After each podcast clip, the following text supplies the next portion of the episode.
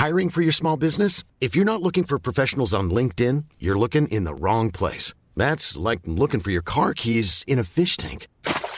LinkedIn helps you hire professionals you can't find anywhere else, even those who aren't actively searching for a new job but might be open to the perfect role. In a given month, over 70% of LinkedIn users don't even visit other leading job sites. So start looking in the right place. With LinkedIn, you can hire professionals like a professional. Post your free job on linkedin.com slash people today.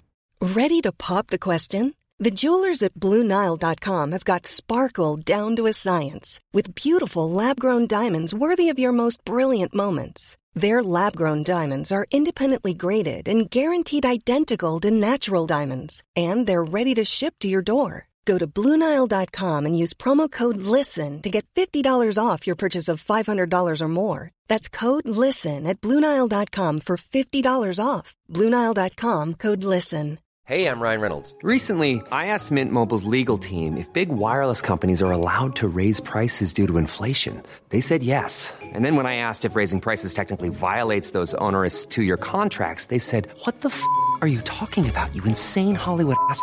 F- So to recap, we're cutting the price of Mint Unlimited from $30 a month to just $15 a month. Give it a try at mintmobile.com slash switch. $45 upfront for three months plus taxes and fees. Promo rate for new customers for limited time. Unlimited more than 40 gigabytes per month. Slows. Full terms at mintmobile.com.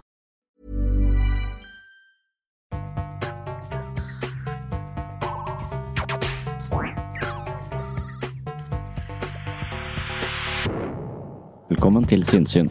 Jeg heter Sondre Risom Livre, er psykolog, og dette er Webpsykologens podkast. Hverdagspsykologi for fagfolk og folk flest.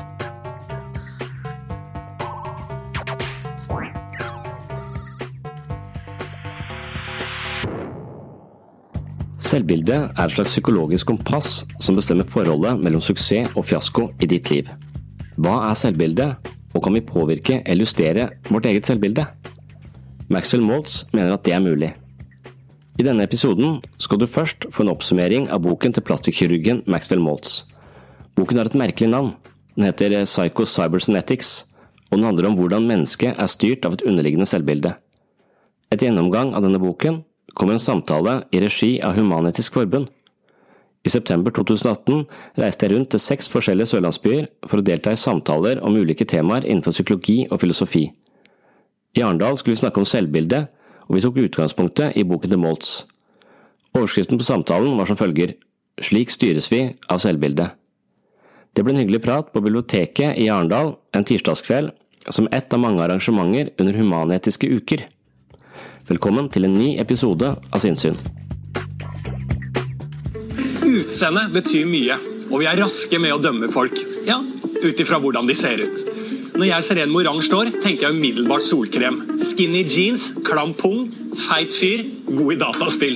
Og meg sjæl, ja, det får dere bedømme, og dere er sikkert allerede godt i gang.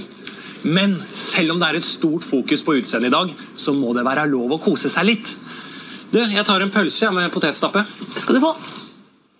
Ca. 250 000 nordmenn har betalt for kosmetiske operasjoner. Og jeg skal ærlig innrømme at jeg har vurdert hårtransplantasjon. Altså, Jeg er 28 år gammel og allerede begynt å bli tynn oppå toppen. Og jeg har fått kommentarer, og ja, det har påvirka meg. Og En dag så, så jeg en reklame hvor Petter Pilgaard fortalte at han har satt på hår. Og da bestemte jeg meg for å aldri gjøre det. Sminke, stafferse, klær og pynt ikke noe for ei vaskeekte kønt. Væsker, lipgloss, pludder og glitter skal ikke være på kveldens meritter.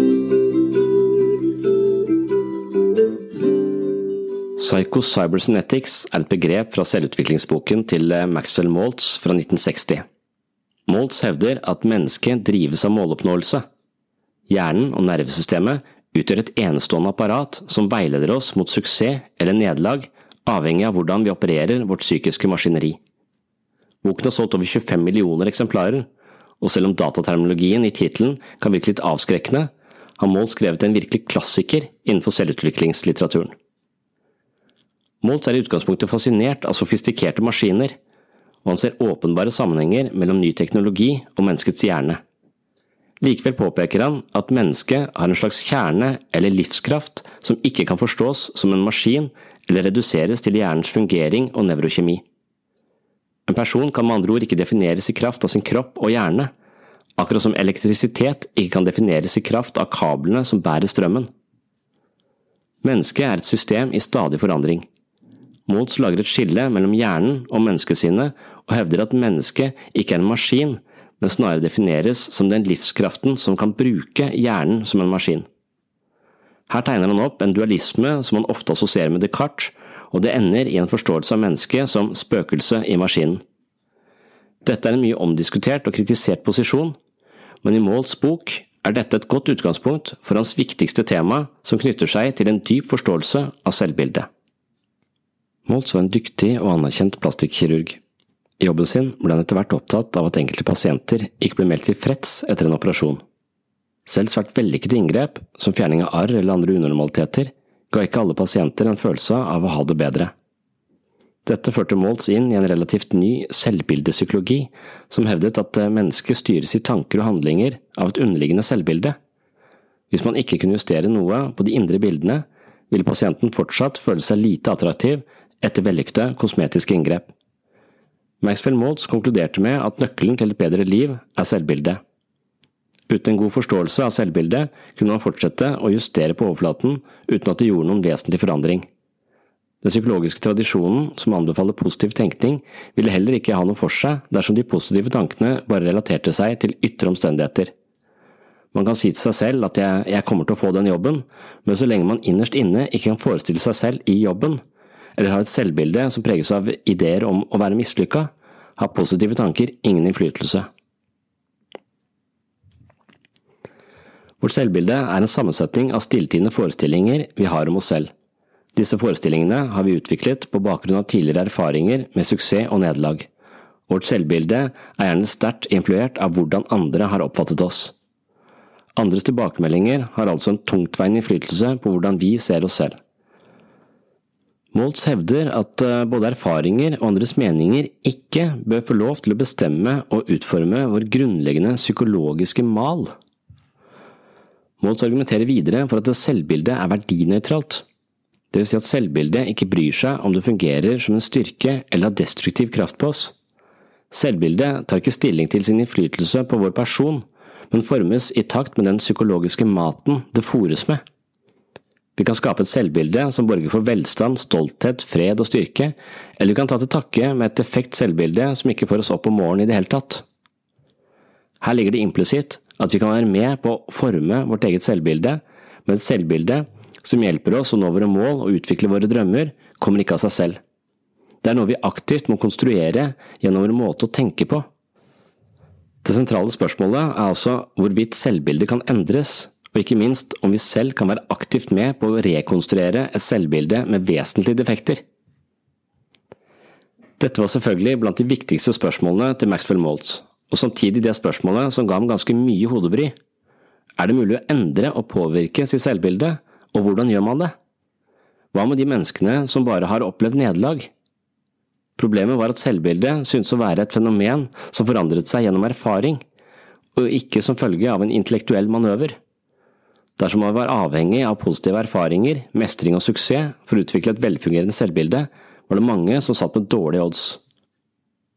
Målt stykker ned i litteraturen og drar veksel på erfaringer fra klinisk praksis, og etter hvert finner man mye evidens som peker på at hjernen ikke er så flink til å se forskjell på en faktisk opplevelse og en opplevelse man bare har forestilt seg i detalj.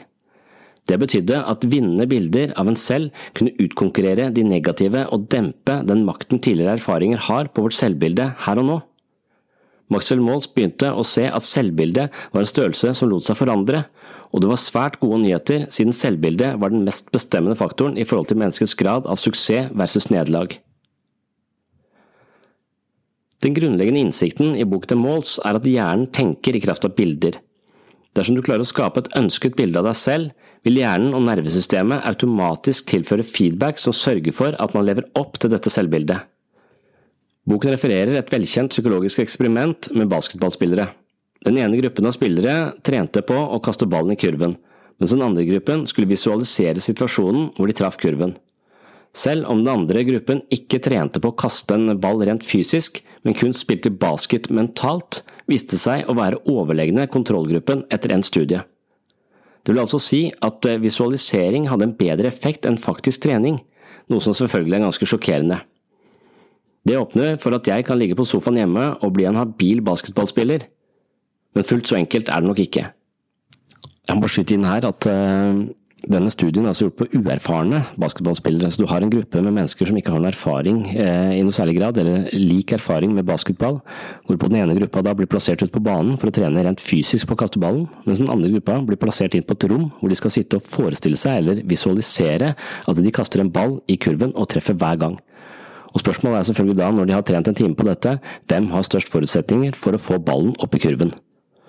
Og det oppsiktsvekkende ved denne veldig avgrensede studien er altså at de som da har visualisert dette, har en tendens til å score litt bedre enn de folka som har stått ute på banen og med sine begrensede erfaringer, altså bomma sannsynligvis veldig mange ganger. Forventningen deres om at de treffer lite, kan, man, kan være ganske stor, mens forventningen til disse menneskene som har visualisert at de treffer, eh, er høy. De har en høy forventning om å treffe eh, oppe i kurven, og denne forventningen synes å påvirke resultatene. Og det er det som er oppsiktsvekkende ved, ved, ved, denne studien. Men eh, som sagt, altså det er nok ikke så enkelt. Men at visualisering har en faktisk effekt, er etter hvert anerkjent i mange fagmiljøer. Moltz hevder at hjernen, nervesystemet og musklene er trofaste tjenere av de selvbildene vi har i hodet. Men hvorvidt kroppen adlyder og manifesterer et attraktivt selvbilde, avhenger av hvor solid vi har klart å forankre et ønsket selvbilde. Selvbildet må rett og slett tatoveres inn i hjernen. Med et bunnsolid selvbilde blir det lettere å leve ut alle de positive assosiasjonene. Istedenfor å ha mål, og kanskje krysse fingrene for at vi når dem, blir vi målene, sier Maxwell Maltz. Mye av selvutviklingslitteraturen handler om å sette seg mål, men hvorfor mennesker bør sette seg mål, og hvordan vi motiveres av måloppnåelse, er sjelden adressert på en så inngående måte som hos Maxwell Maltz.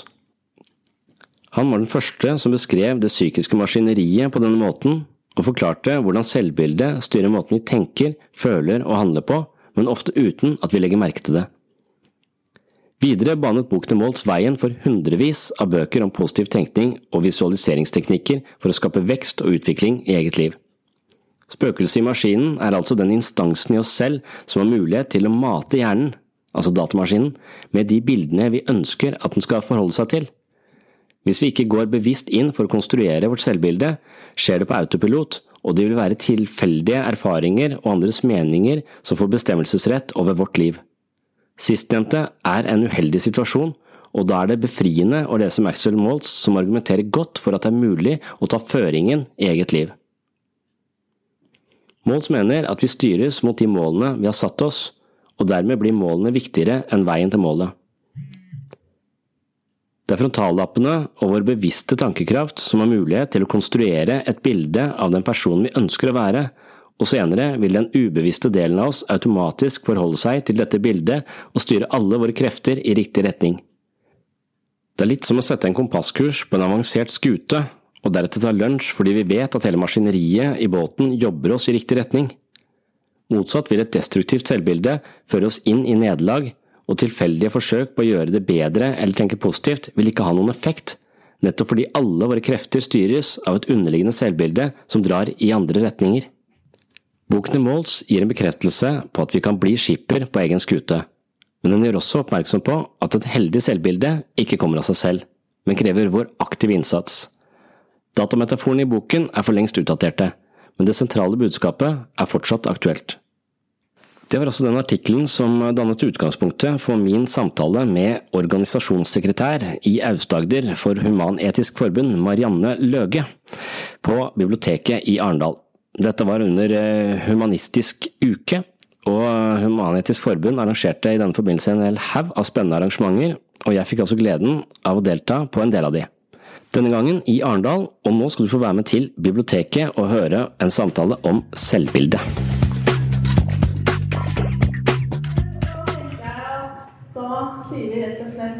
Vær så god, Sondre. Ja, takk for det. Passe lyd. Prøv litt. Ja. dette er første, første, byen. Det var jo fint at det kom noen. Eh, og temaet for i dag var selv, selvbilde.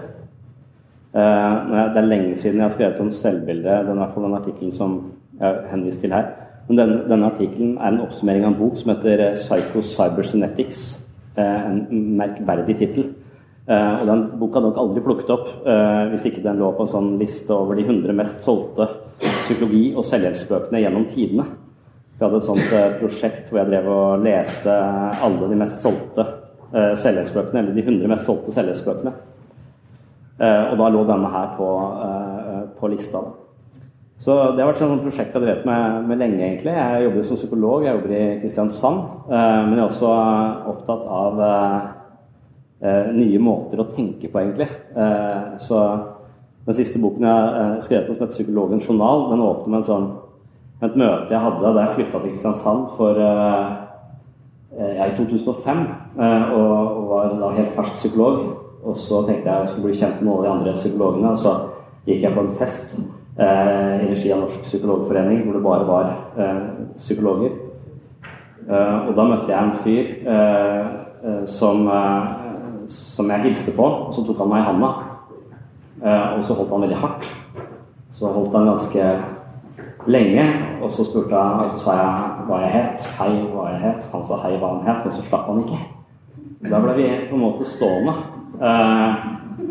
Uh, og, og, så sa han, uh, etter at han hva han het, så sa han uh, Så tok han hånda mi, så snudde han den. Og så sa han at det hadde ring på fingeren. Så han du er gift. Og så sa jeg ja. Hva gjør deg lykkelig? sa han i neste setning. Og, jeg vet ikke hvorfor. Det er en merkeverdig, det er en sosialt merkelig situasjon å, å befinne seg i. Så tenkte jeg sånn er sikkert psykologer. liksom. Det er, jo gærne. Uh, det å spørre noen om hva som gjør dem lykkelig i tredje setning, det er rett og slett asosialt. Og det gjorde meg stressa, for jeg hadde lyst til å si noe interessant, jeg hadde lyst til å si noe veldig smart. Men så brukte jeg altfor lang tid på å tenke meg om. Uh, men til slutt så, så, sa jeg bare så sa jeg at jeg, uh, ja, nye ideer gjør meg lykkelig. og det svaret godtok han nå ettertid. Så er det som ja, brent seg litt fast i meg, at ja, nye ideer er noe jeg er veldig interessert i. Jeg er interessert i barna mine og kona mi og familielivet og sånn, men jeg er også interessert i nye ideer som stimulerer meg. Uh, ergo så har jeg lest denne boka om cybers, uh, psycho-cybersnetics, vet ikke hva det betyr engang, den tittelen. Uh, men det er altså en, en plastikkirurg som har skrevet en bok om selvbilde, som var et tilfeldig utgangspunkt for en samtale, tenkte jeg. Tenkte jeg at Det er lenge siden jeg har lest. Jeg har også skrevet en bok da, om selvbilde, så, så, jeg er jo ikke helt grønn på området. Men, men men det er mange måter å, måter å, se dette på. Og når jeg leste denne, så fikk jeg også nye ideer. Eh, så det jeg syns er spennende, og derfor jeg ble også bedt Av og til ble jeg bedt om å holde foredrag. Det nekter jeg. Eh, jeg vil snakke med noen. Eh, for det er kun i samtale at, at jeg føler det oppstår noe nytt. Når jeg bare skal repetere meg selv hele tiden, så blir det dritkjedelig. I hvert fall for meg. For jeg har hørt det før. Så, så jeg har, hver gang jeg nå skal ut på noe, eller noen ber meg om å gjøre et eller annet, så, så, sier jeg det er greit, men jeg skal ha noen å snakke med. Eh, og så skal vi spille inn på en podkast som heter Sinnssyn, så det blir spilt inn, eh, spilt inn også.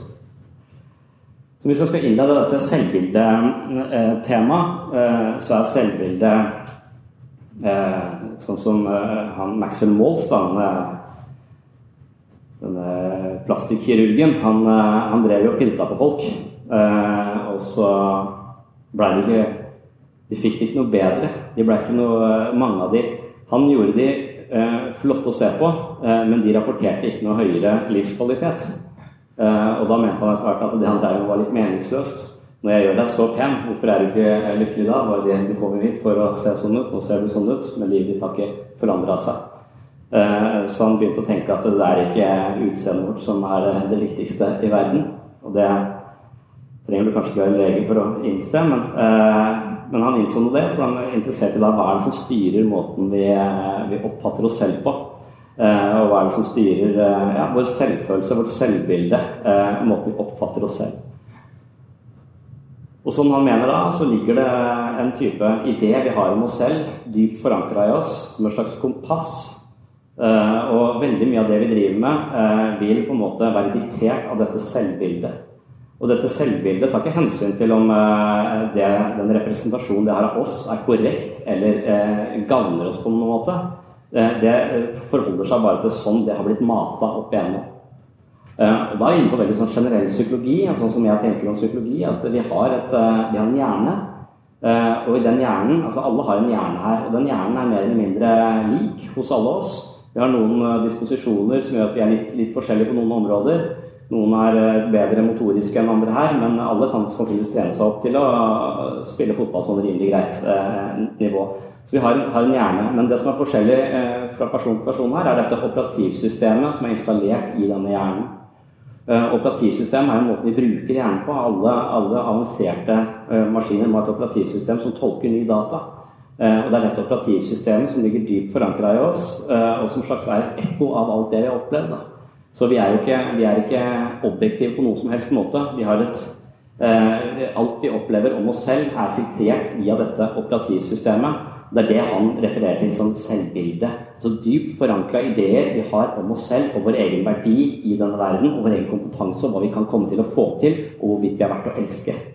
Eh, og eh, hvordan vi svarer på alle de spørsmålene rent sånn eh, bevisstmessig, det, det, er litt forskjellig, men grunnleggende sett så vil, vil selvbildet selvbildet vårt, eller operativsystemet vårt, gi oss en sånn grunnleggende eller bakenforliggende idé om alt dette hele tiden som styrer oss rundt i verden. Og det operativsystemet er da installert av mora og faren din, tanta di, læreren din, klassekameratene dine, alle som har opplevd det og reagert på det. Alle som har på en måte eh, gitt deg en beskjed om hvem du er. Mennesket er et sosialt vesen, så det er i møte med andre mennesker at vi blir oss selv. Det er via andres blikk jeg vet hvem jeg er. Og mange av de måtene jeg har blitt møtt på, de har da installert seg som eh, algoritmer i min selvforståelse. Noen stemmer har mer betydning enn andre stemmer, men noen stemmer veier også veldig tungt og ligger nå som et bakteppe for hvordan jeg ser meg selv. Så Hvis jeg er en person som har vokst opp med folk som har kritisert meg hele tiden, eller sagt at jeg er eh, udugelig, eller kjefta på meg for ting som er helt urimelig, eh, så kan jeg eh, langsomt utvikle en idé om at jeg er mindre verdt, at jeg er udugelig. Og Hvis jeg har en idé om at jeg er udugelig, så vil jeg så tolke all informasjon i kraft av den følelsen av å være, eller den ideen jeg har om å være udugelig. Og, og, og sånn sett så kan man forestille seg at rett og slett det vi tenker om oss selv og verden, det materialiserer seg i virkeligheten. For idet jeg tenker at dette får jeg ikke til, så sier jeg nei takk til å komme hit i dag. Eh, da unngår jeg alle de mulighetene jeg har for å få interessante samtaler med nye mennesker, eller hva, hva, hva det enn det skulle være av utfordringer i livet mitt som kunne ført det videre, som kunne åpnet nye dører, som kunne utviklet mitt eget potensial. Hvis jeg hele tiden har en idé om at jeg ikke er god nok, så vil jeg takke nei til alt det. Og jeg vil prøve å unngå alle utfordringer, og da blir jeg udugelig. For det mangler mengdetrening. Så mange av de menneskene som kommer til meg, de har jo et skakkjørt operativsystem inni huet sitt som sier at de ikke er gode nok, eller at de er mislykka, eller et eller annet. Eh, og, så har de en hel haug med bevis for at dette stemmer. Og det stemmer. De får ikke til det, de får ikke til det, de får ikke til det. de får ikke til det. Eh, og mange har du prøvd. Det har jeg borti én gang. Det gikk til helvete. Da gidder jeg ikke mer. Eh, så, så på en måte, når, når, vi har denne ideen, så begynner vi å unngå ting. Og, og, vi eventuelt kommer til å, å miste masse muligheter, og vi kommer til å mangle mengdetrening. For det å være menneske det handler om å mislykkes, mislykkes, mislykkes, mislykkes, mislykkes for så etter hvert å bli litt bedre. For vi må tåle å være mislykka for å bli gode. Så det er de menneskene som er standhaftige og tåler og ikke på en måte tenker at det er mislykka, det går rett i operativsystemet. Typisk deg. Ja, du burde holde deg unna. Stikk hodet i sanda. Gjem deg vekk. Så operativsystemet vårt vil ofte lure oss til å trekke oss unna i situasjoner hvor vi egentlig burde prøvd på nytt. Uh, og dermed så mener jeg at det er veldig viktig å være interessert i operativsystemet eh, vårt, for det er korrupt. Uh, uh, og da kan man si at alt du opplever, er ikke sant. Og Det er også sånn, sånn overskrift jeg alltid snakker om. Alt du føler er feil, eller alt du tenker er feil. Dette er Freuds idé, som det er psykolog opptatt av Freud. Freud er eh, en av opphavsmennene til denne ideen om at eh, alt du opplever, er filtrert via nevrosene dine, og alltid farget av alle de erfaringene du har bak deg, og et ekko av eh, tidligere erfaringer. Du plasserer ting i de samme båsene som du har gjort før. Så din opplevelse av verden er høyst privat og konstruert av ditt eget operativsystem. Så for å få et mer objektivt og et virkelighetsnært bilde av både deg selv og verden, så må du være interessert i dette apparatet som skrur sammen opplevelsene våre. Og Det er litt det som Maxwell Maltz da kaller selvbilde. Eh, så det å være interessert i dette apparatet her inne, det er eh, det, er det psykologi dreier seg om. Det er det psykoterapi dreier seg om. Og det er det jeg syns er spennende å tenke på, og også da prøve å eh, få stadig nye innfallsvinkler til å forstå det. Stadig nye måter å se det på, stadig nye måter å snakke om det på. Og det oppstår ofte i, i dialog når jeg snakker med, med mennesker om operativsystemet og deres operativsystem og mitt operativsystem i forhold til, forhold til dem. Ja, jeg bare tenker på det du sier. Altså, operativsystem blir jo etter hvert farga av ganske mange ting, da. Mm. Altså, jeg tenker på det at når man vokser opp eh, f.eks. og er fire eller fem, så er man i egne øyne òg kanskje den peneste i verden. Eh, I hvert fall så har jeg den opplevelsen i forhold til egne barn at de kan stå og synes de er fantastisk pene. Eh, Med ny kjole og gant og alt er comfy. Og så vokser de på et visst til, og så møter de verden og kravene som fyller, fyller de, og så er de plutselig verdens styggeste. Altså, det er et eller annet som skjer med selvbildet vises på veien som ja, altså, og det er jo ikke noe altså, de får, Det er jo akkurat det samme man sier hjemme, men det er akkurat som at samfunnet i dag påvirker oss i forhold til hvordan vi skal se ut. Mm. Og jeg tror det er tøffere for ungdom i dag enn det det var selv for oss, holdt jeg på å si. Ja. Eh, altså, hvordan kan man jobbe for at operativsystemet ikke skal ta til seg de signalene? Ja, jeg tror bare være, eh, være bevisst sitt eget operativsystem eh, på et tidlig tidspunkt. Ja. Eh, Så jeg vet ikke, for dette, dette Det å tenke på sin egen tankegang, det kalles jo metakognisjon. Eh, Og det er en avansert prosess hvor vi, er, hvor vi rett og slett kan gå litt ut av oss selv, observere oss selv, tenke og føle og handle. Og vi kan se maskineriet jobbe. Så evnen til å se seg selv utenfra, på en måte, det dukker ikke opp før man er sånn 12-13 år. Og så utvikler seg er ferdigutvikla når man er 25. Eh, Så før det så tror jeg ikke vi, vi reflekterer så mye over det. Men istedenfor å tenke at det, hvis dette selvbildet egentlig bare er et antall stemmer som forteller meg hvem jeg er, så kan jeg kanskje overta overstyre de stemmene og selv fortelle meg hvem jeg er. Sånn at jeg eier dette prosjektet selv, istedenfor å la random mennesker vurdere meg og ta det til meg.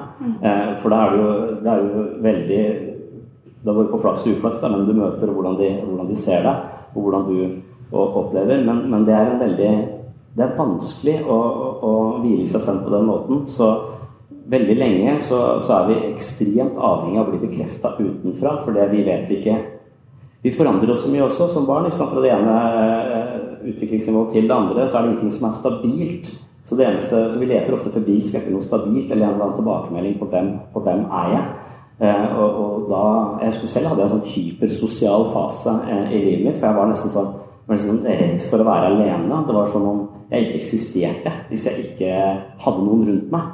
Eh, så i leiligheten min der jeg bodde i Danmark og i Oslo og rundt forbi, så bodde det alltid folk som egentlig ikke bodde der. Men de bare var der for å bekrefte at jeg eksisterte.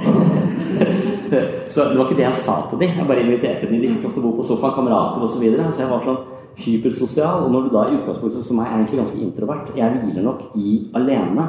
Men når du er så usikker på hvem er jeg egentlig, og trenger disse bekreftelsene hele tiden, så er du i dette miljøet du omgås i, at du blir skrudd sammen og får en følelse av hvem du er. Eh, og, og, og det er jo en prosess som, som går uansett om vi vil eller ikke. Og jeg tenker at vi skal være litt oppmerksom på at det er det som foregår. Det er ikke sikkert vi skal gjøre det på et veldig veldig tidlig tidspunkt, men etter hvert så bør vi også sjekke ut at ok, vi har et operativsystem. Funker det greit? Ja, ta meg rundt i livet. Jeg er fornøyd. Greit. Men de menneskene jeg møter, de har et operativsystem som sier noe annet. Eh, De kommer, treffer hele tiden folk som eh, behandler de dårlig. De har hele tiden kjærester som ser ned på dem. Eh? Så de, de, de gjentar hele tiden eh, sin egen fortid, kan man si. For det er det du kan si at operativsystemet blir hele tiden modifisert. Men på et tidspunkt så, så vil det også Det er også veldig opptatt av å opprettholde status quo, på en måte. Så hvis, når du først har satt en identitet, så er det veldig greit om den blir bekrefta. Så hvis du ser på deg selv som mindreverdig, så vil det bli stress å ikke tenke sånn om deg sjøl. For da må du revurdere så mye. Det er så mange mentale skjemaer som da må snus på hodet. Og det er en ganske møysommelig prosess, og det er en prosess som skaper mer angst. Så jeg møter mennesker som ser på seg selv ræva og sier men vet du hva, objektivt sett så har du en hjerne som kan fungere helt optimalt, men du har bare eh, et operativsystem her som forteller deg noe annet. Hvis du skifter operativsystemet, så må du begynne å se på deg selv eh, som eh, dugelig. Du må, det betyr at folk kommer til å regne med deg. Du kommer til å måtte ta mer ansvar. Nei, det klarer jeg ikke. Det veier for tungt på på mine skuldre. Og så, og så har de en ekstrem motstand da, mot det ansvaret det innebærer å være en kompetent person. For det virker skremmende. Sier, jo mer ansvar du orker å ta, jo mer meningsfullt blir livet ditt, jo mindre ansvar du tar, jo mer du ser deg som udugelig og bare viker unna, jo mer depressiv blir du, og jo mer meningsløst blir livet ditt. Men det blir også ganske trygt. da. Det blir trygt og godt. Du veit hvem du er, du kan planlegge i morgen. Du er den udugelige personen som ikke trenger å ta noe, ta noe ansvar. Så sier ikke, De er ikke fornøyd i situasjonen hvor de er i, men den evnen til å endre operativsystemet er ganske Det er ganske vanskelig. Uh, ja, og ubeleilig. Jeg tenker jo altså, altså, I hvert fall i ungdomsfasen så er det kanskje operativsystemet under ombygging som alt annet. Mm. Eh, så det er jo kanskje altså, seinere i livet at man faktisk kan gjøre noen endringer så lenge man har hatt en si, relativt trygg og god oppvekst. Da. Mm. For den ligger vel sannsynligvis i bunnen i et sånt operativsystem uansett. Ja, jeg tror det, ja, det viktigste er, det som veier tyngst, er ofte den måten du ble behandla i de tidligste leveårene dine. Selv om du ikke husker det, så er det det som danner grunnmuren. For det er så masse andre mekanismer. Det er ikke bare et operativsystem, det er del her med følelser også. Og følelsene våre fungerer også litt som muskler, så jo mer du blir stimulert Hvis du er veldig mye redd, så får du en sterk muskel som kode for frykt og panikk. Det er også en muskel du kan ta med deg ut. Og når hele tiden systemet sier at her er det fare på ferde, så vil det også påvirke måten du, du tenker på, uh, på etter hvert. Så grunnmuren i personligheten vår tenker jeg blir lagt på et veldig tidlig eh, tidspunkt eh, av eh, graden av trygghet og omsorg vi opplevde i de tidligste leveårene. Og så skal vi bygge huset oppå, oppå der. Kan man, endre, altså, kan man endre på tankegangen sin eller på tidssystemet sitt gjennom å utsette seg altså, Da må man jo tåle å ta det skrittet, som du sier. Da må man liksom satse på at jeg bare sitter helt rolig her. Det kan man ikke må man ta det skrittet. Altså, hvilken Hva må til for at man skal gjøre det, da? For å endre selvbildet og selvfølelsen sin for folk? Altså ja. Er det mulig å få til å endre selvbildet? Ja. Maxwell Moltz mente at det var eh, absolutt uh, mulig. Og han har mer sånne der, eh, litt sånn New Age-aktige teknikker på det.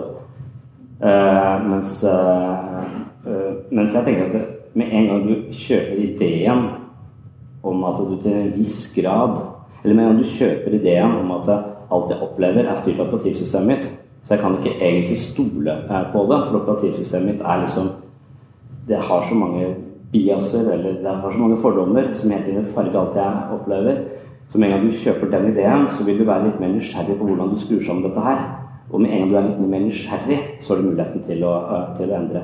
Men langt de fleste mennesker er ikke nødvendigvis nysgjerrig på det. De er mer opptatt av å få det bekrefta. Mm. Uh, så istedenfor å være nysgjerrig på nye ideer eller andre måter å se seg selv på osv., så, videre, så tviholder de på den ideen de, de har. Uh, og ønsker å få den bekrefta, og oppfører seg ofte også som på den måten at den blir bekrefta.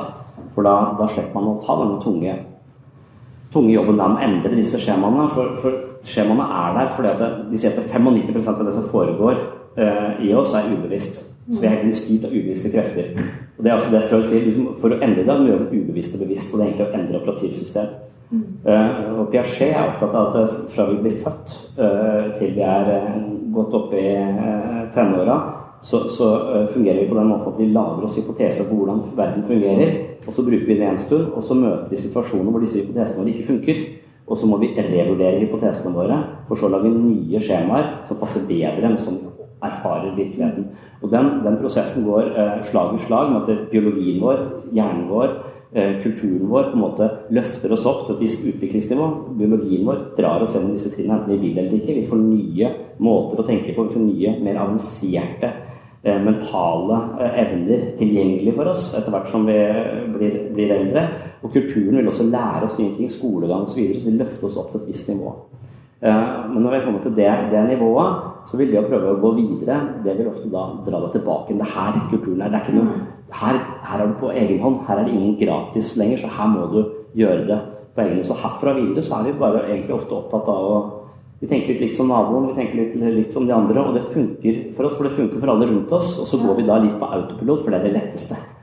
Og hvem har tid til å tenke eh, på sitt eget operativsystem hele tiden? Hvis du har eh, tre barn, full jobb eh, og må reise til Arendal og er fotballtrener. Så da, da, da er du helt Da har du ikke tid, tid til det. Så du bare lever på de algoritmene på det der Du bare lever i pakt med det operativsystemet. Ja, og så er det kanskje den biten i forhold til det å strekke seg det stykket lenger. Da endrer du det jo også i forhold til den der Mm. jevne Altså Ja. Av og til så har jeg litt følelsen av at det der å stikke seg ut, det skal vi jo heller ikke gjøre. Vi skal ikke jeg håper å si, vi skal ikke tro at vi er noe på et vis. Ja, det er, altså, det må... Jeg tror det er bra for selvfølelsen å tro at man er noe. Ja, ja. Det er vel sikkert det er, og ja, og det, det tenker jeg det, er, det viktigste er å ha en, et realistisk bilde av seg selv. Mm. Uh, og ja. Der, der har, jeg et mer sånn ufordragelig problem enn mange av de menneskene jeg møter i psykisk helsevern, jeg jobber jo i et DPS, et distriktspsykiatrisk senter, de, de tenker jo negativt eh, om seg selv. De er deprimerte fordi at de ikke tør å sette grenser, de tør ikke å uttrykke seg. Derfor så blir livet deres litt sånn de dyttes i alle retninger, men så de ikke klarer å sette grenser, så, så er det liksom sånn blad i vinden, og du får mye angst, for du vet ikke helt hva som kommer til å skje i neste situasjon. Du har ikke noen følelse av at din stemme gjelder. da. Eh, og så blir man jo både, får man både angst og depresjon.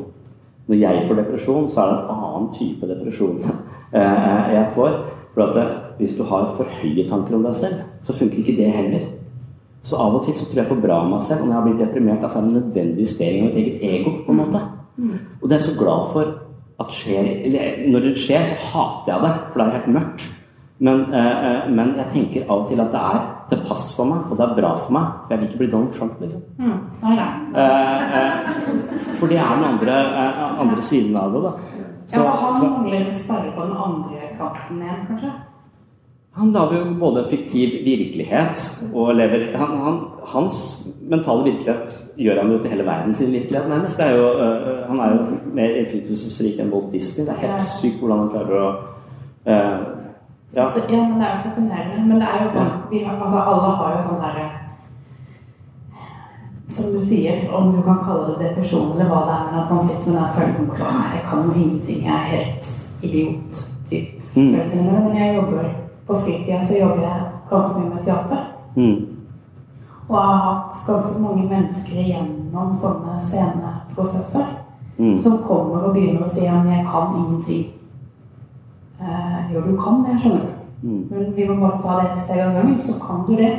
Og det å se den utviklingsbiten på folk i forhold til som kanskje har til og med slitt med dårlig selvfølelse, Mm. eh, og hvordan de utvikler seg når de faktisk mestrer. Altså om de faktisk klarer å stå på en scene og synge og spille og få applaus og få til positiv tilbakemelding, Mm. så gjør det veldig ofte noe med resten av livet deres også. Mm. Altså, det påvirker så mange andre ting. Så det er egentlig det jeg tenker at hvis man får til én bra ting, så Mm. man faktisk plutselig ser Jøss, dette kan jeg jo.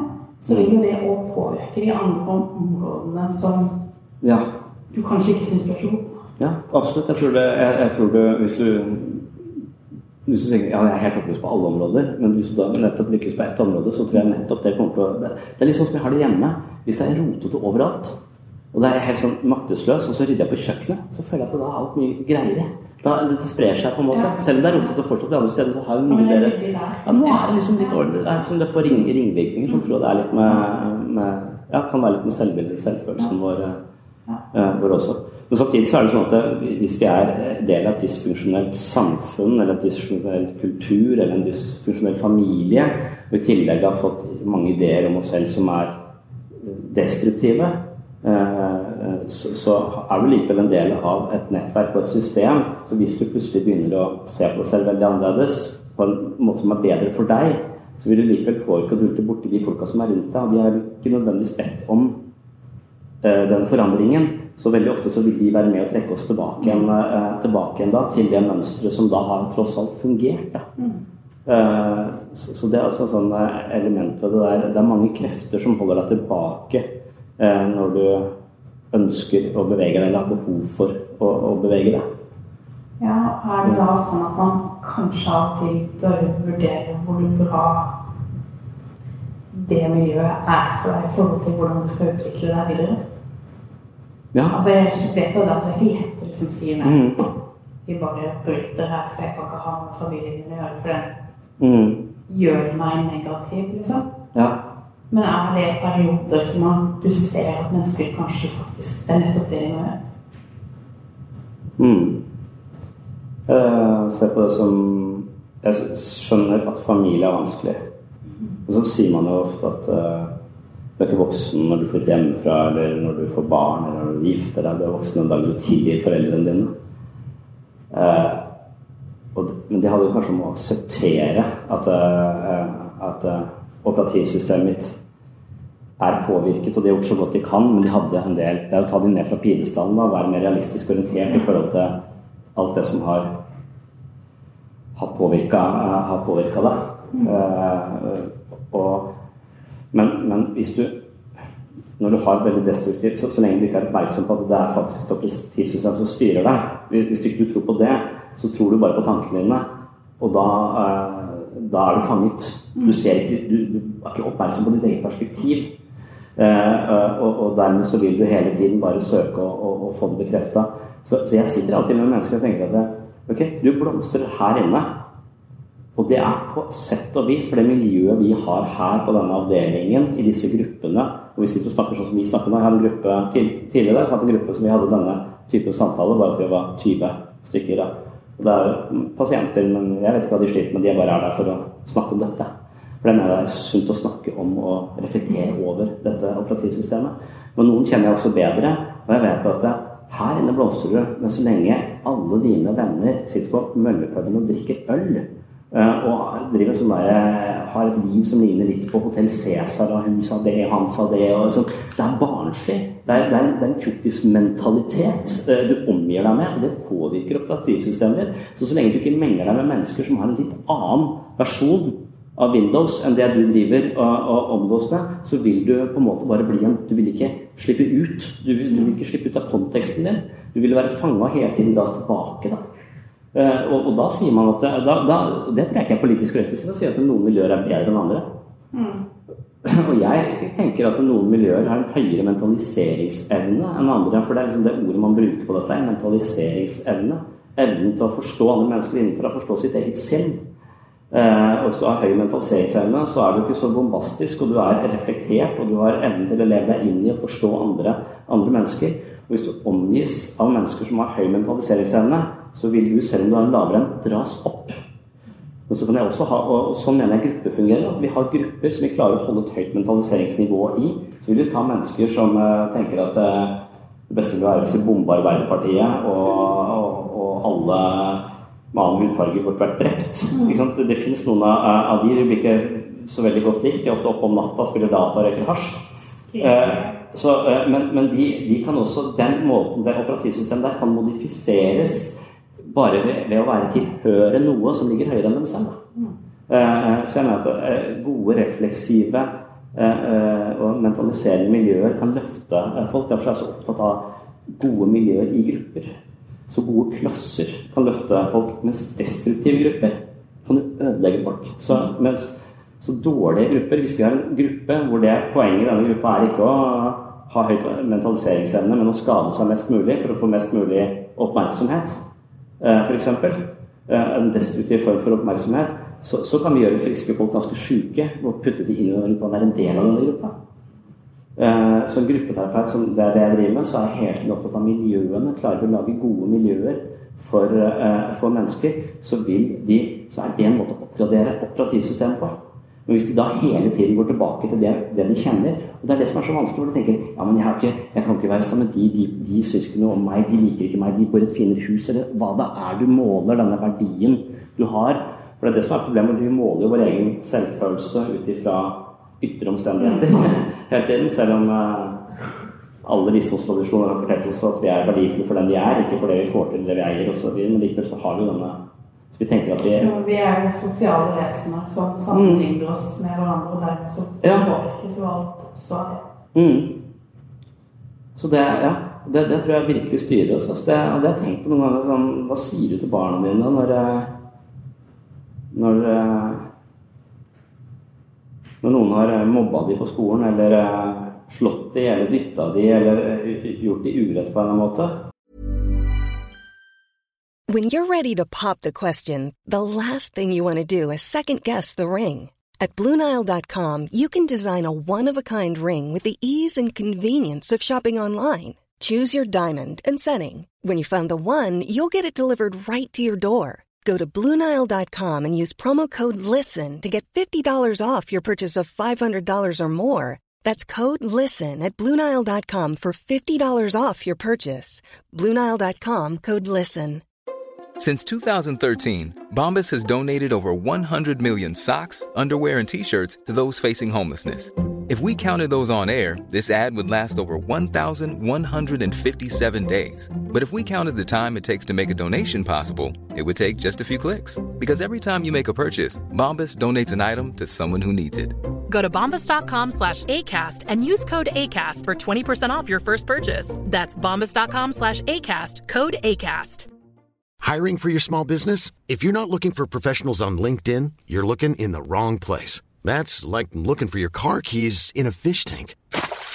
LinkedIn helps you hire professionals you can't find anywhere else, even those who aren't actively searching for a new job but might be open to the perfect role. In a given month, over 70% of LinkedIn users don't even visit other leading job sites. So start looking in the right place. With LinkedIn, you can hire professionals like a professional. Post your free job on linkedin.com slash people today. Eh, hva, hva sier man? Da sier ja, da må du gå til den voksne og si ifra. Det er det, det er det man skal si, er det ikke det? Jo, det er det man er usikker på om det er riktig. Altså. Det er av og til så tenker jeg kan vi bare Ja, men for, for jeg føler at jeg har møtt mennesker som har fulgt det rådet til punkt og prikke, og av den grunn blitt sett på som et lett bytte aldri satt grenser for seg selv. Det er bare ikke slått, det bare lært at de ikke skal slå tilbake.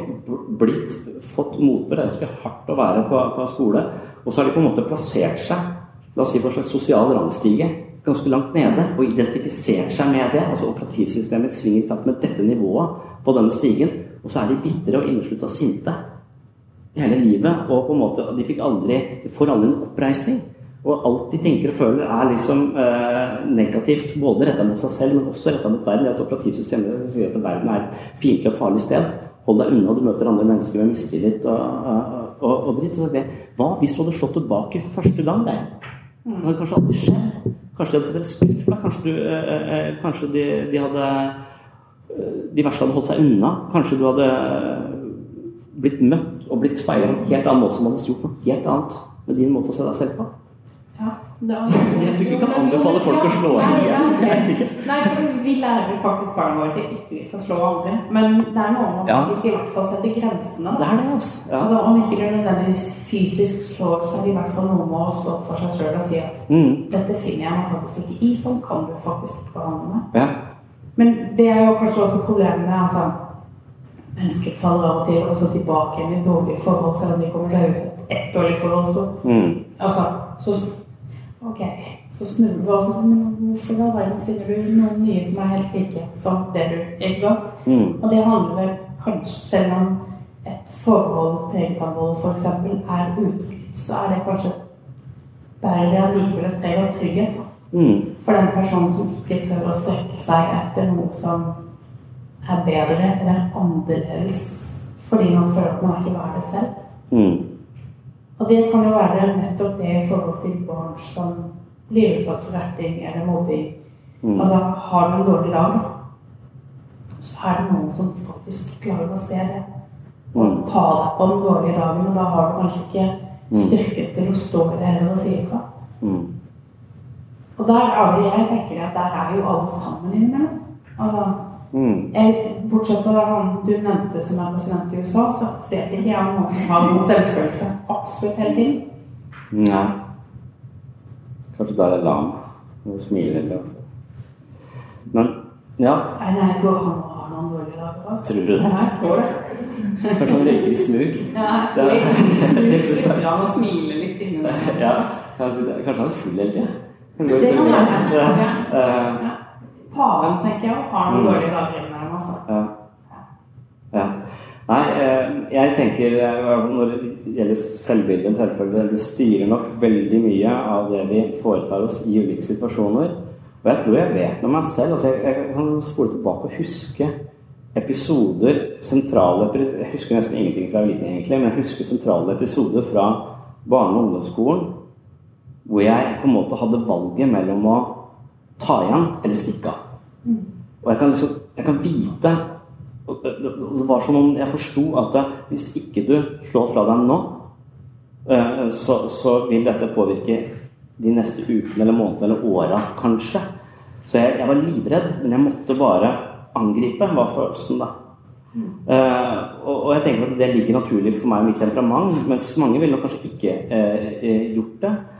Men, men, det er som jeg har de situasjonene også i voksenlivet mitt. Men det handler ikke om å angripe noen, men det handler om at noen av og til behandler meg dårlig. Eller, eller får meg til å føle meg veldig liten. Og hvis ikke jeg da reiser meg, på en måte Og jeg vet ikke, jeg tror bare med kroppsspråk eller hva jeg sier, eller hva slags grenser jeg setter, så blir jeg overkjørt. Og jeg kommer til å føle meg eh, liten. Så det er av og til sånne og, og mange mennesker som har et operativsystem som sier at det, du må stille deg bakerst i køen. Du har ikke rett til å reise deg opp eller ta den plassen. Du, du har mindre rett enn andre. De vil da lettere la seg bare bli overkjørt. Og, og, de vil være redd for de, nettopp de situasjonene, eh, akkurat som jeg var redd på, på, barneskolen for de situasjonene. Og jeg tror her, her handler det mye om disse fryktmekanismene. Så jeg tror at hvis du gjør folk trygge nok på tidlig nok tidspunkt, så tør de å reise seg opp når det er viktigst. Uh, og jeg så akkurat den It-filmen som, uh, som, ligger på Netflix. Ja. ja. jeg er veldig interessert Den er helt utrolig fascinerende. Eller den er, den er, Det er sånn som alle skrekkfilmer er, er, litt fascinerende, men du ser at det, den filmen handler om det, jeg, jeg, kjenner igjen den filmen på en måte litt fra mitt eget liv. Altså, jeg vokste opp i et trygt nabolag, og det var, det var fint, men hvis jeg møtte Roger og Tommy, mm. så kom jeg til å dø. Uh, og, og, jeg var sikker på det. Og det var ikke noe sånn tvil at hvis de fikk tak i oss, så var det Da var livet slutt. Det, men Vi var likevel på stranda, også, men når de kom, så sykla vi og løp. Og det var liksom på livet løs for å unngå disse. Og det er også livet til disse menneskene i It-filmen, film av Stephen King, da, hvor, han, eh, hvor du ser denne lille småstads eh, og, og hvordan de er redd for disse bøllene, men hvordan de også har ganske mange traumer Eh, hjemme. Altså en har mista broren sin og føler hans feil, så han har tynga skyldfølelse. En har OCD, for han har en mor som driver og vasker og styrer og overbeskytter han hele tiden. Eh, og én er seksuelt misbrukt, hun jenta. ikke sant? Og, og, og, det som er Filmen handler jo om at eh, all den, alle disse episodene, all den frykten i livet vårt, den eh, manifesterer seg for dem i kraft av denne klovnen som er gitt. Denne klovnen. Eh, og den klovnen den viser deg hele tiden det du er mest redd for. Og når du da begynner å løpe fra det du er mest redd for, så spiser han deg til slutt. Men hvis du avslutter tenker vet du hva, du fins ikke, du skal bare skremme meg, og du overgår din egen frykt, så møter Og det er det de barna skjønner. da, Vi er nødt til å møte denne klovnen, for hvis ikke vi møter denne klovnen, så spiser han opp. Og mange barn har blitt drept pga. dette her. Så det er på en måte eh, denne generelle ideen vi har om at Frykt er noe vi ofte er nødt til å møte, og ikke noe vi bare må løpe fra. For da vil vi være et offer for livets omstendigheter eller våre egne følelser. Og hva det er vi løper ifra resten av livet. Vi må face det. Vi må ta det der og da. Vi må si sannheten noen ganger istedenfor å bare si ljuge for å komme oss litt lettere unna. Vi må være mer oppriktige. Og i vårt liv så dukker det ikke opp sånne zombier. Han er, som er redd for OCD, han er redd for bakterier. Han møter selvfølgelig en zombie. Det er det mest ekle en som har OCD, eller som har sånn bakterieangst, da kan møte. Og, og, den, og, denne gruppa, så En annen aspekt av denne gruppa er jo at de skjønner etter hvert at vi må møte det vi er redd for. Og hvis vi avslører det som uh, bare uh, frykt, og, og, at denne klovnen egentlig ikke fins, så, så, vil vi vinne, på en måte. Og da vil klovnen forsvinne. Uh, og den klovnen dukker opp hvert 27. år. Det er jeg litt usikker på hvorfor. Eh, for den kommer tilbake igjen. Kanskje vi skal lage flere filmer. Men, men det har kanskje 27 er kanskje et eller annet tall, eh, tall som er sentralt der, sentralt der også. Eh, men så er det selvfølgelig noen i denne gruppa som ikke vil det. Og, og, og det, er sånn, det, er helt naturlig, for når du, når du vet at det, okay, her er det en zombie, en klovn, som ser helt jævlig ut Og Det er jo ikke, det er ikke noe innbydende å møte dette her i det hele tatt. Og så bestemmer de seg at vi skal gå inn i huset der de bor. Da er jeg like for å skrur av. Det gjør dere i hvert fall ikke. Eh, for, for det, det, er jo helt latterlig å gjøre det, men det er det de gjør hele tiden. Og så er det også dette med at de driver og, og forsvinner fra hverandre. Hvor dumt er det? Det gjør de alle. Skrekken, Hvorfor gjør de det? Og, og, og for, men for meg så er det kanskje også et bilde på at hver gang jeg har det vanskelig, og trenger egentlig at uh, kona mi støtter meg, så har jeg ofte en tendens til å skylde på henne for et eller annet, sånn at vi begynner å krangle. Istedenfor at det jeg trenger, er støtte. Men så klarer jeg å skape en eller annen krangel istedenfor at vi sklir fra hverandre. Så når vi er i vanskelige situasjoner, så, så, så, er samhold desto vanskeligere. Og det viser seg også i disse skrekkfilmene at det samholdet er så, er så problematisk. Eh, det er det er så, vanskelig å opprettholde i krisene. Eh, og det er så kanskje sånn, ganske realistisk i forhold til hvordan livet er. Men jeg tror ikke at det, livet vårt er jo ikke så tydelig som det er i It, for der kommer det du er redd for det materialiserer seg på en veldig sånn stygg måte, en sånn skrekkfilmaktig måte. Men mange av oss har akkurat det i livet vårt. Altså vi, vi, må på Nav, eller vi må på et eller annet møte vi gruer oss til. Eller, liksom, vi har disse fryktene hele tiden. Og hvis vi bruker hele livet vårt på å unngå dem, så vil den klovnen hele tiden suse rundt i nabolaget ditt, smile til deg og gjøre at du ikke tør å gjøre en dritt i, i, i, i livet ditt. Og da vil det hele tiden forsterke dette operativet og si at livet er farlig, du er udugelig, hold deg hjemme, slutt å leve. Vent på at du skal dø. Uh, og det kan skje når som helst. Ja, ja, ikke sant. Ja. Så ja. Jo, men kanskje det er det vi, altså, det må lære barna, da. Helt fra de er bitte små, egentlig. At jo, men ok, dette er du redd for, men da må du prøve. Mm. Du er nødt til Altså, du må pushe grensene helt fra begynnelsen av for at man skal tåle å stå opp mm. i situasjonene. Fordi da lærer du kanskje også systemet ditt til å mm. tåle å stå i det. det blir, for det blir jo bare tøffere og tøffere. Mm. Altså, det er ikke så tøft. Altså, jo, det er skummelt å være tre år òg. Mm. Men det er ikke så mange ting som er sånn kjempeskummelt når du er tre i forhold til når du er 16-17. Da blir ting mye skumlere. Ja. ja, det ja. ja.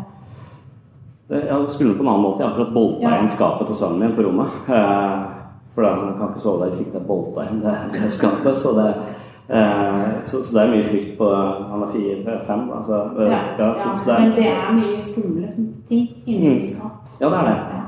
Eh, så, ja, så, så, livet så, da, Men det er kanskje også, det er helt intuitivt at, vi, at det, det som Jung sier, da, som er sånn dybdepsykolog, sier at det du, det du trenger mest, finner du alltid der du har minst lyst til å leite. Og at det er noe sånn veldig uh, ofte noe veldig sant i det. Uh, det betyr at når kona mi sier uh, 'vi må snakke sammen', så stivner jeg helt. Det er en klovn for meg. Mm. Ok, hvorfor det? Og hvor lang tid skal det ta? Og, så, og det er som om det hadde ikke vært jæklig mye lettere å bare se på Netflix akkurat nå enn å gjøre det. Og det er ikke en klovn, men det er en motstand i meg. Jeg vet det er riktig, og jeg vet at når jeg går i motsatt vei det som er min intuisjon, så er det ofte det bedre enn å følge. Det er ikke helt intuitivt. Jeg syns det er så unødvendig at mennesket er laget på den måten at det som er bra for oss, er også det som er vanskelig for oss. Og det, det syns jeg er eh, det er et argument mot intelligent design. på en eller annen måte. Altså, hvorfor, hvorfor, mye av det som, eh, som, er bra for oss, også er eh, Trene er bra for oss. Ikke tran er bra for oss. Ingenting av de er veldig attraktivt. Altså, eh, og det er nok litt sånn det å møte sitt eget operativsystem også. Jeg snakker alltid om at jeg selv har vært i gruppeterapi. Og når jeg eh, er i gruppeterapi selv, så brukte jeg ofte et eh, år på å bare bli likt av de andre. Altså jeg fremstår på en måte som jeg vet hvordan jeg blir speila. Og det skjer ingenting med operativsystemer, bortsett fra at det perfeksjonerer sin sosiale måte å være på. Hvis jeg skal lære mer om meg selv, så må jeg på en måte gi slipp på dette sosiale, eh, pliktoppfyllende delen av meg, og så bare være litt mer spontan for å mer tilbakemelding på på hvordan jeg oppleves uten denne sosiale fasaden min. Da. Det er litt det som, som er eh, Det å installere nytt operativsystem handler om å bli speila på en mer oppriktig måte. Eh, altså Vi lager gruppeterapi i en setting hvor vi ikke har alle disse sosiale kodene som er forplikta til å se om du er en hyggelig fyr, eller eh, bare være høflig. Vi skal være mer oppriktige, så vi får speil som faktisk kan eh, få oss til å se på oss selv og våre egne tendenser og, og hva vi investerer i møte med andre litt utenfra, eller via en annen person som ikke lyver. Eh, så, eh, så gruppeterapi generelt handler om å være ikke lyve. Eh, altså, eller fjerne en del av de sosiale kodene og være mer oppriktig. Og når jeg prøvde å være mer oppriktig selv og fikk oppriktige tilbakemeldinger, så sa de på et eller annet tidspunkt at jeg syns du virker ganske arrogant. Mm. Og, det, det, det, er da, det, er da, operativsystemet ikke har så veldig lyst til å ta det inn. Det, det er ikke noe jeg har lyst til å se på. Det vil jeg gjerne ignorere. Og si at nei, nei, det er det ingen andre som syns, så det er du alene om, så det må være noe gærent med deg. Det kan jeg jo si. Det kan jeg jo også mene. Men hvis ikke jeg da er interessert i det blikket jeg får på meg selv utenfra, for å se på den siden av meg selv, altså Donald Trumps-siden av meg selv, eh, eh, så så vil jeg sannsynligvis alltid ligge i skyggen og tuppe meg i ræva hver gang jeg er i ulike settinger. Og på et eller annet tidspunkt så blir jeg så oppblåst at jeg blir deprimert for at det, hele systemet skjønner at her er noe gærent. Eh, du, du, kan ikke stå inne for dette, eh, dette. Så, ja, så, så, så, så, så der tenker ja. også det er forholdet å være ærlig med seg selv, da.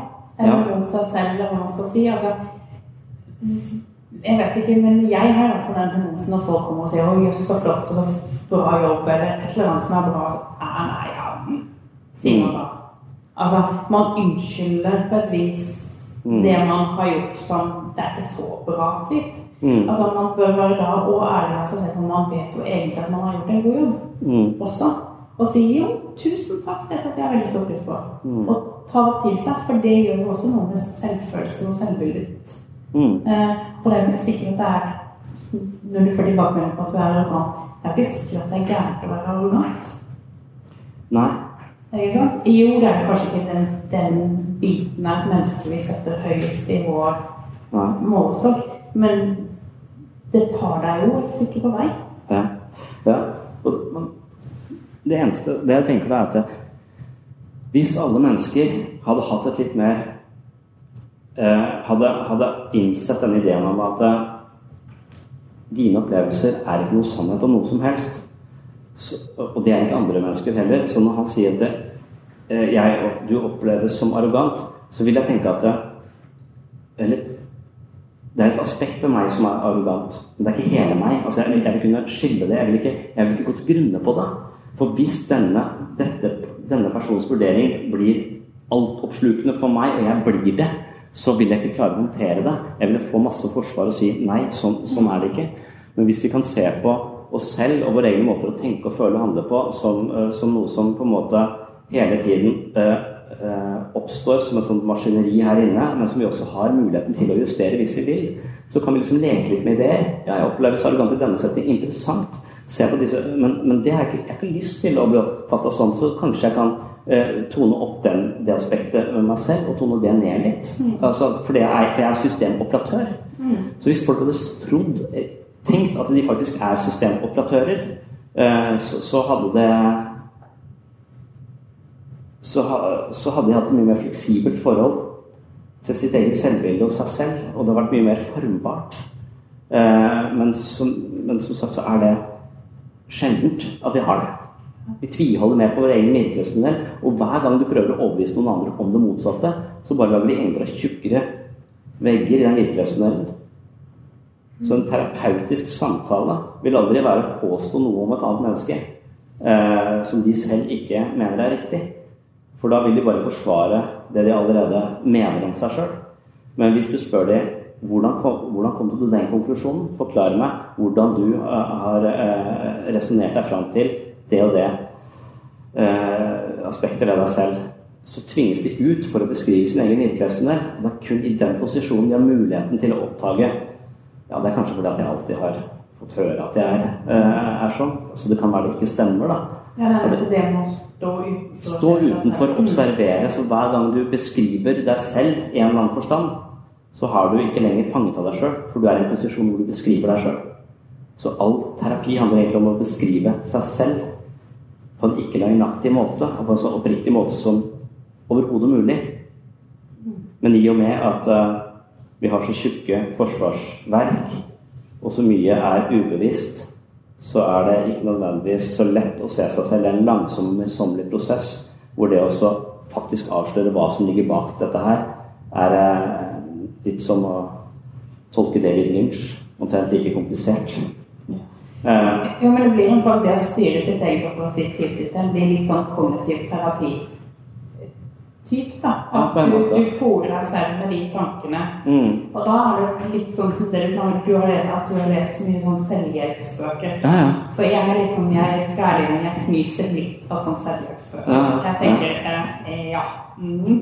Eh, jeg ser ikke helt alt du skal lære av det. Altså, fordi det blir sånn floks Altså det blir sånn selvfølgeligheter, syns jeg, som står i bøkene på et vis. Mm. Eh, men det er jo dermed si at ikke de kan være til å være bra for folk. Nei. Jeg tenker kanskje om meg selv at jeg er litt naiv innimellom. øh, Fordi at jeg eh, Jeg har nesten tro på alt jeg leser. Eh, og syns at ja, det var smart. Ja, det var lurt. Så, så jeg har nok mye mer istedenfor å være sånn psykologisk sett også, istedenfor å sette meg inn i én teori og forsvare den, så, så har jeg et mye mer sånn idé om at alle teorier kan brukes på en eller annen måte. Da. Det er veldig få mennesker som har klart å skrive en bok som er helt feil. Det, er, eh, det må være et eller annet her de har skjønt. Eh, og de har sikkert formulert det på en litt annen måte enn noen annen har gjort. Så, eh, så, så lenge du ikke tror på noe, men litt på alt, så, jeg, så tror jeg ikke det blir så, så farlig, da, har jeg tenkt. At, at det liksom er den måten og den, den siste boka mi så er jeg opptatt av at jeg ser på religion som et operativsystem òg. Det, er- et ferdig, ferdig operativsystem som du kan få installert eh, ved, ved å bare befinne deg i religiøse miljøer. ikke sant? Eh, og på et sett og vis så, så ser jeg mange fordeler med det, og så ser jeg en del ulemper. Men det er en helt annen, annen debatt. da. Men, men når det gjelder den holdningen og da var jeg opptatt av Descartes, så ble, fikk jeg et helt kapittel der for Descartes han så så lenge om morgenen og tenkte så mye Uh, Descartes tror at han har en demon i hodet. Eh, og det syns jeg er en interessant idé. Da. Det er Descartes' demoner. Eller, uh, så I hans meditasjoner så beskriver han hvordan det er uh, mulig at han har en demon i hodet som forvrenger alt han opplever. Så alt han opplever, til og med at 2 pluss 2 er 4, kan i prinsippet være feil. Det kan være at 2 pluss 2 egentlig er 5, men at han er lurt til å tro at det er 4, fordi denne demonen sitter og forkrøpler alt han opplever. Så på sett og vis så kan man ikke ta noe for gitt. da. Alt kan være eh, forpesta av denne demonen, så alle opplevelsene kan være totalt falske. Eh, og, og, og den holdningen men, men det han konkluderer med, som er det kjente 'jeg tenker' eller 'jeg tviler, derfor er jeg', eller 'jeg er en bevissthet', på en måte, det, det er at han sier at det, hvis det skal være noe vits å lure meg, så må det være en bevissthet som kan bli lurt. Så det eneste jeg kan stole på, er at jeg har en bevissthet som kan bli lurt. Alt annet som dukker opp i den bevisstheten, det kan være demonens verk. Men demonen må ha noen å lure. For hvis ikke så er det ikke vits å lure meg. Hvis han også så, så hvis han lurt meg så, så det må være noe å lure. eh, på sett og vis. Men alt det du da oppfatter, det kan være. Så han er den mest radikale tvileren i historien, på en måte.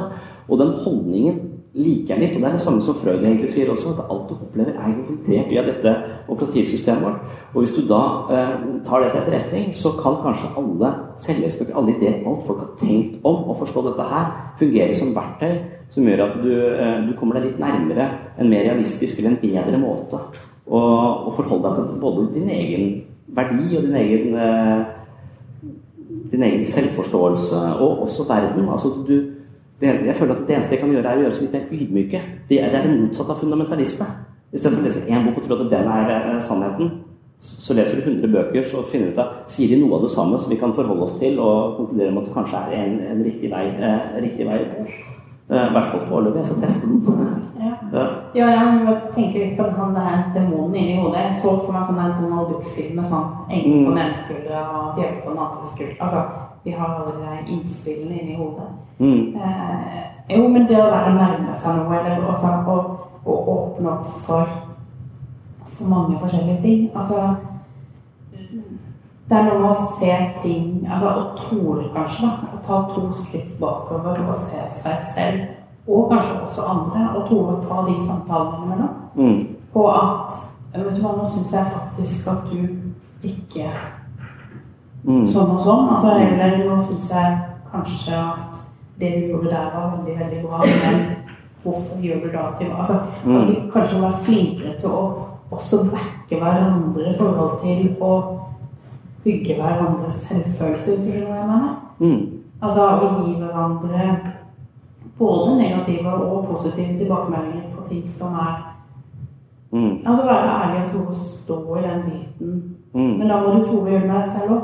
Altså, da må du tore å si OK, dette var kanskje ikke så Ja. ålreit. Og det er det gruppeterapi går ut på, det du sier nå, egentlig. Mm. Altså, men, men, og det blir komplisert, for at jeg, jeg kan oppleve andre mennesker, og jeg, si, jeg gir dem den opplevelsen uten å pakke det for mye inn, da. Mm. Eh, men jeg må også hele tiden reflektere over mitt perspektiv For, for hvorfor reagerer jeg så kraftig på deg og ikke på deg? Eh, har dette noe med min erfaring med den typen mennesker, den typen mennesker å gjøre? Sannsynligvis. Så, så, det, så du, det, blir hele tiden en sparring fram og tilbake. Og når jeg sier til folk som ikke stoler på tankene eller følelsene dine, så er vi også litt redd for relativisme her. Altså jeg er litt redd for en sånn på, 'ingenting er sant'-greie. Eh, og, og, det er litt problemet. Men når, når, det gjelder psykologi, så tror jeg den holdningen ikke er så dum. da. Jeg tror postmodalisme har noe for seg. Eh, men når en eller annen tyrann misbruker det og bare kan skrike høyt på Twitter, så blir det sant. på en måte, fordi det finnes ikke noe sannhet, så han kan bare definere sannheten. Så er det jo helt på kjøret. Det er liksom baksiden eh, av, av denne relativismen. At vi kan bli vi kan konstruere virkeligheter som overhodet ikke er i nærheten av å være virkelig. Men jeg tenker det å bevise noe, eller det å ha Eh, et, sånn, rent sånn epistemologisk sett så finnes det jo ikke noe bevis for noe som helst. Eh, bortsett fra i matematikk så finnes det bevis. Men i alle andre områder av livet så finnes det bare mer eller mindre godt belegg for å tro på noe.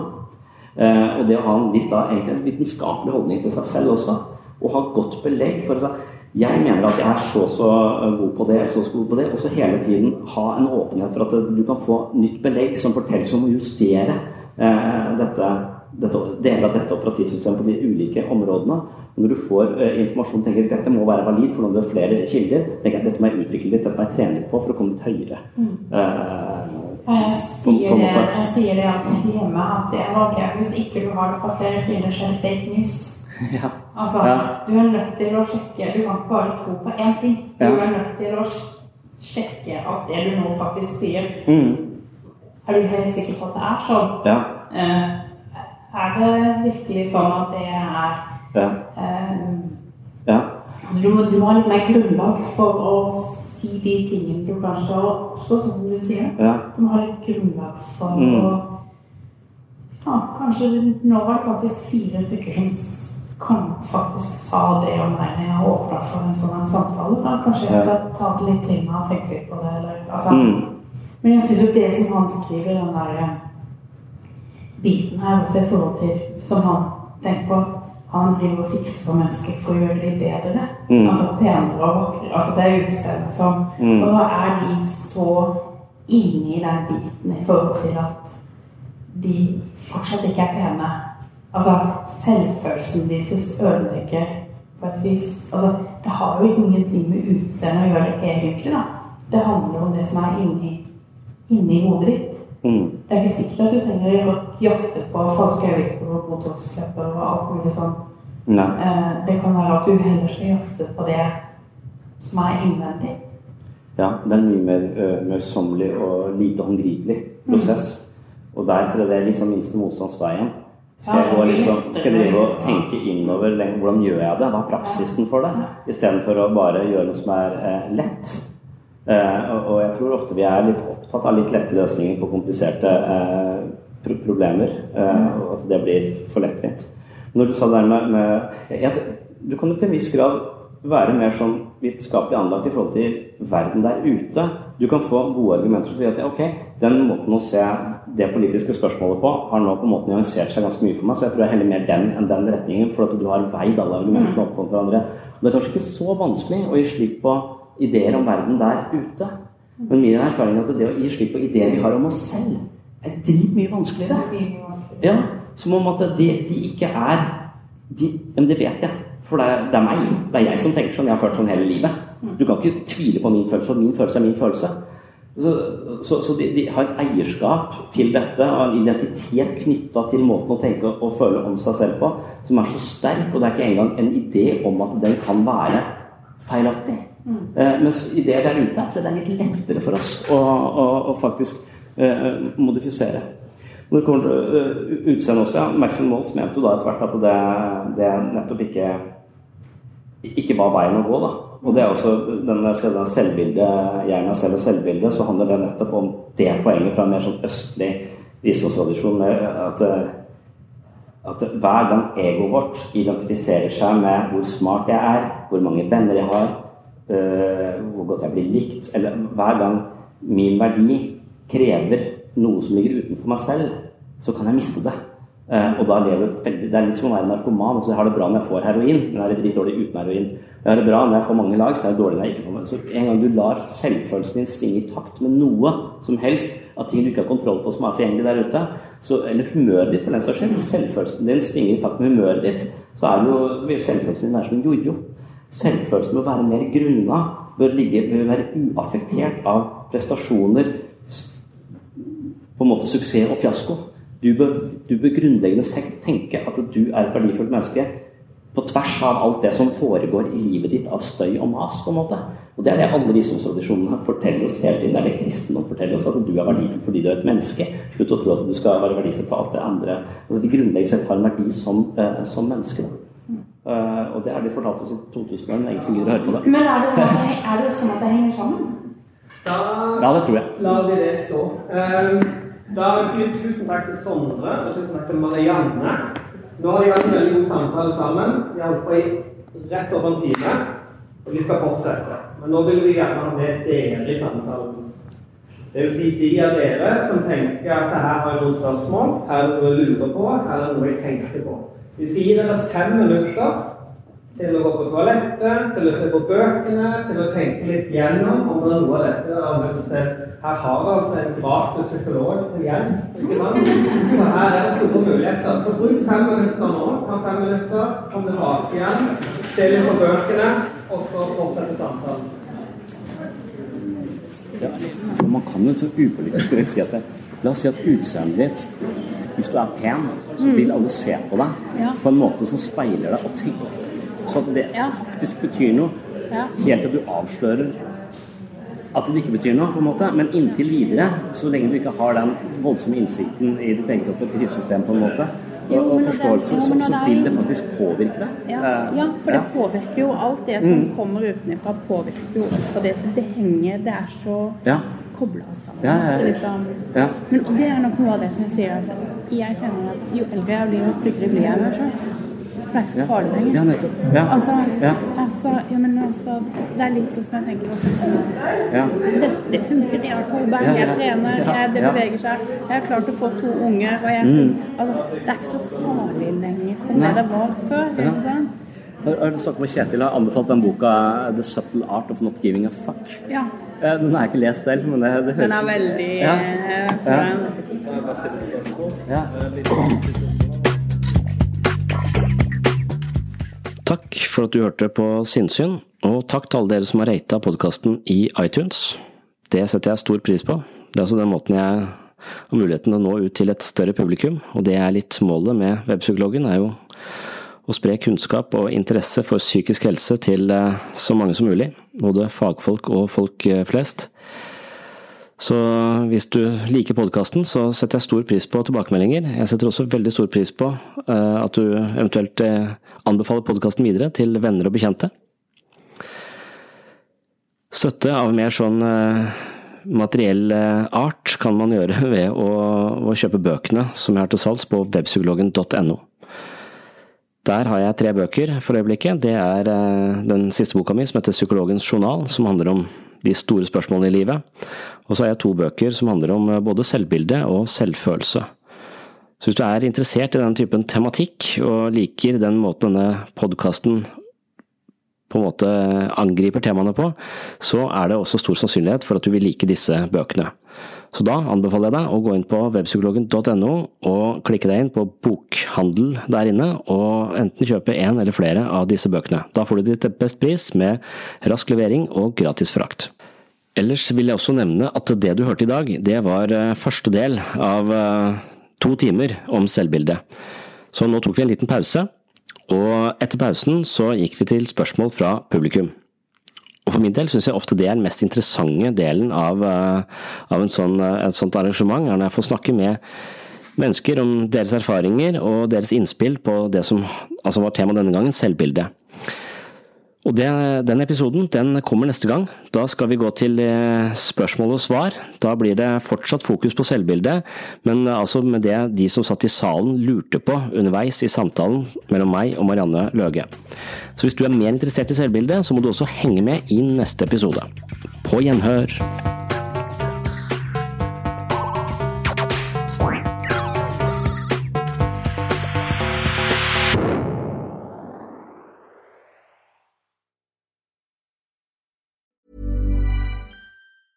Normally, being a little extra might be a bit much, but not when it comes to healthcare. That's why United Healthcare's Health Protector Guard fixed indemnity insurance plans, underwritten by Golden Rule Insurance Company, supplement your primary plan so you manage out of pocket costs. Learn more at uh1.com. Hey, it's Danny Pellegrino from Everything Iconic. Ready to upgrade your style game without blowing your budget? Check out Quince. They've got all the good stuff shirts and polos, activewear, and fine leather goods, all at 50 to 80% less than other high end brands. And the best part? They're all about safe, ethical, and responsible manufacturing. Get that luxury vibe without the luxury price tag. Hit up quince.com slash upgrade for free shipping and 365 day returns on your next order. That's quince.com slash upgrade. Imagine the softest sheets you've ever felt. Now imagine them getting even softer over time. That's what you'll feel with Bowl and Branch's organic cotton sheets. In a recent customer survey, 96% replied that Bowl and Branch sheets get softer with every wash. Start getting your best night's sleep in these sheets that get softer and softer for years to come. Try their sheets with a 30-night guarantee. Plus, get 15% off your first order at bowlandbranch.com. Code BUTTERY. Exclusions apply. See site for details.